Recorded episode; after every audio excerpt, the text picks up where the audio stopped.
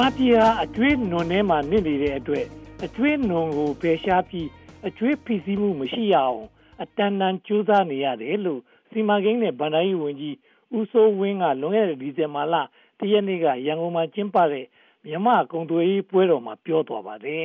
။ပြည်ပကျွေးမီဒေါ်လာတန်ပေါင်း1000ကျော်ရှိတာကိုပြည်သူ့ငွေစည်းကော်မတီအစီရင်ခံစာမှာဖော်ပြကြောင်းသိရပါတယ်။ဒီတော့အတွင်းဒေါ်လာငွေတန်ဖိုးတက်နေပြီး ကျပ်ငွေတန်ဖိုးကျဆင်းနေတာကြောင့်စမ်းရမယ့်အကျွေးပမာဏဟာ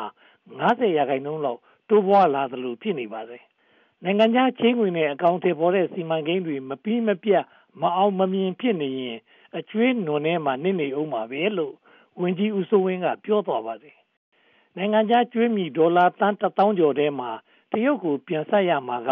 တန်း4000ကျော်ဖြစ်ပါတယ်။တရုတ်အကျွေး69ရာခိုင်နှုန်းဟာ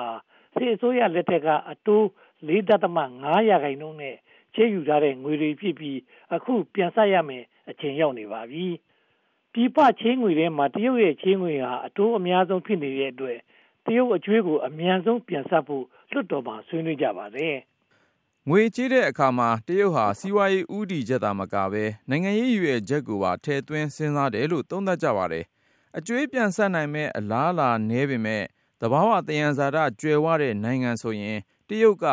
ငွေထုတ်ချေးဖို့ အသင့်ပဲလို့ ဆိုပါတယ်။တရုတ်ရဲ့ရန်ဝန်းလမ်းကြောင်း စီမံကိန်းမှာ ပါဝင်နေတဲ့ နိုင်ငံပေါင်း68နိုင်ငံမှာ23နိုင်ငံဟာ တရုတ်ကြွေးမြီဖြီးစည်းတဲ့ဒဏ်ကို ခံနေရတယ်လို့ လွန်ခဲ့တဲ့နှစ် ဧပြီလ16ရက်နေ့ထုတ် Nikkei Asian Review မှာ ဖော်ပြပါတယ်။စီအစိုးရ ချေးယူခဲ့တဲ့ တရုတ်ကြွေးမြီဟာ NLD အရသားတပိုင်းအစိုးရ ဖြေရှင်းရမယ့် ပြဿနာလို ဖြစ်နေပါတယ်။ စီအစိုးရခွင့်ပြုချက်နဲ့တိစောက်ခဲ့တဲ့ မြစ်ဆုံဆယ်မှာ တရုတ်က ဒေါ်လာသန်း800ရင်းနှီးထားတာကို အရင်းရော အတိုးပါ ပြန်ဆပ်ရမယ့် ပြဿနာကိုလည်း ဖြေရှင်းဖို့ လိုပါတယ်။နိုင်ငံခြားကျွေးမြီ အလွန်များလာတာဟာ တိုင်းပြည်စီးပွားရေး ထိခိုက်နိုင်တယ်လို့ ယုံကြည်ကြပါတယ်။အကျွေးစုပြုံလာတဲ့ အခြေအနေကို မရောက်ဘဲဂတိပေးထားတဲ့အတိုင်း အတိုးမှန်မှန်ဆနိုင်ရင်ကျွေးဆက်နိုင်ရရှိတယ်လို့ ကမ္ဘာ့ဘဏ်နဲ့အပြည်ဆိုင်ရာငွေကြေးရန်ပုံငွေအဖွဲ့တို့ကသတ်မှတ်ထားပါတယ်နိုင်ငံခြားကျွေးပြည်ဟာနိုင်ငံခြားပို့ကုန်တန်ဖိုးနဲ့တူညီလာပြီးတိုင်းပြည်အသားတင်ထုတ်လုပ်မှုရဲ့30ရာခိုင်နှုန်းဖြစ်လာရင်ကျွေးပြည်စည်းမှုရှိလာပြီလို့ဆိုပါတယ်မြန်မာရဲ့နိုင်ငံခြားကျွေးမြေဟာတိုင်းပြည်အသားတင်ထုတ်လုပ်မှုရဲ့16ရာခိုင်နှုန်းသာရှိနေပြီးကျွေးမြေစုစုပေါင်းကတော့တိုင်းပြည်အသားတင်ထုတ်လုပ်မှုရဲ့35ရာခိုင်နှုန်းရှိနေတဲ့အတွက်ကျွေးပြည်စည်းမှု debt distress ဖြစ်နိုင်တဲ့အခြေအနေမရှိဘူးလို့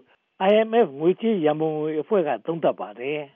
။ဝင်ငွေနည်းတဲ့နိုင်ငံတရာကျော်ဟာတရုတ်စီကငွေချေးထားပါတယ်။ပြန်မဆက်နိုင်ရင်တရုတ်ကဘယ်လိုလုပ်မယ်ဆိုတာကိုတော့မခန့်မှန်းနိုင်သေးပါဘူး။ငွေမရရင်ပစ္စည်းသို့မဟုတ်အခွင့်အရေးကိုယူမဲ့သဘောရှိပါတယ်။သီရိလင်္ကာအစိုးရရဲ့ဟမ်ဘန်တိုတာစိတ်ကမ်းစီမံကိန်းကိုတရုတ်ချင်းငွေနဲ့တိစောက်ပြီး စီးပွားရေးတွက်ချေမကိုက်ပဲ အကျွေးထူလာလို့စိတ်ကမ်းတစ်ခုလုံး တရုတ်လက်ထဲ ထိုးအပ်လိုက်ရပါတယ်။ဒီစိတ်ကမ်းကို တရုတ်က69နှစ် ချုပ်ကင်ခွင့်ရသွားပါတယ်။တဘာဝတယံဇာတ မရှိဘဲ လူဦးရေ တသန်းမပြည့်တဲ့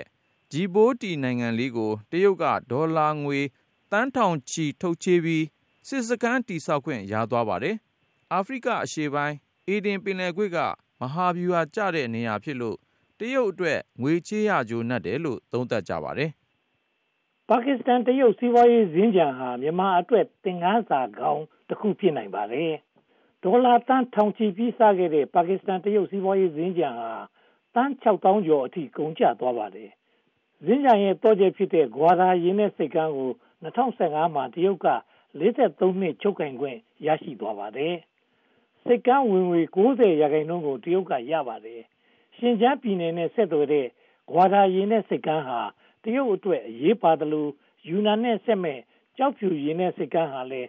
တရုတ်မဟာဗျူဟာမှာအလွန်အရေးကြီးပါတယ်။တရုတ်မြန်မာစီးပွားရေးဈဉ္ညာနဲ့ပိုးလမ်းမသည့်အစီအစဉ်ကြောင့်မြန်မာအစိုးရဟာတရုတ်ကျွေးမီပြည်လာတဲ့အခြေအနေကိုရောက်သွားနိုင်တယ်လို့သုံးသပ်ကြပါတယ်။စီမံကိန်းတွေကျေပြန့်လာလေလေအကျွေးတင်တဲ့ပမာဏလည်းကြီးမားလာလေလေဖြစ်နိုင်ပါတယ်။ဒါပေမဲ့တိုင်းပြည်ရဲ့ နှစ်စဉ်အသွင်ထုတ်လုပ်မှုဟာကျွေးတင်တဲ့နှုံးနဲ့မြင့်မားနေရင်တော့အကျွေးဖိစီးမှုကိုကြုံတွေ့ရဖွယ်အလားအလာမရှိပါဘူးပြည်ပကြွေးမြီများလာပြီမဲ့အတိုးပေးဆပ်နိုင်တဲ့အခြေအနေဖြစ်ပါတယ်။ကြွေးမဆပ်နိုင်ရင်တော့ကြွေးရှင်လိုချင်တာကိုပေးရမယ့်အခြေအနေရောက်သွားနိုင်ပါတယ်ခင်ဗျာ။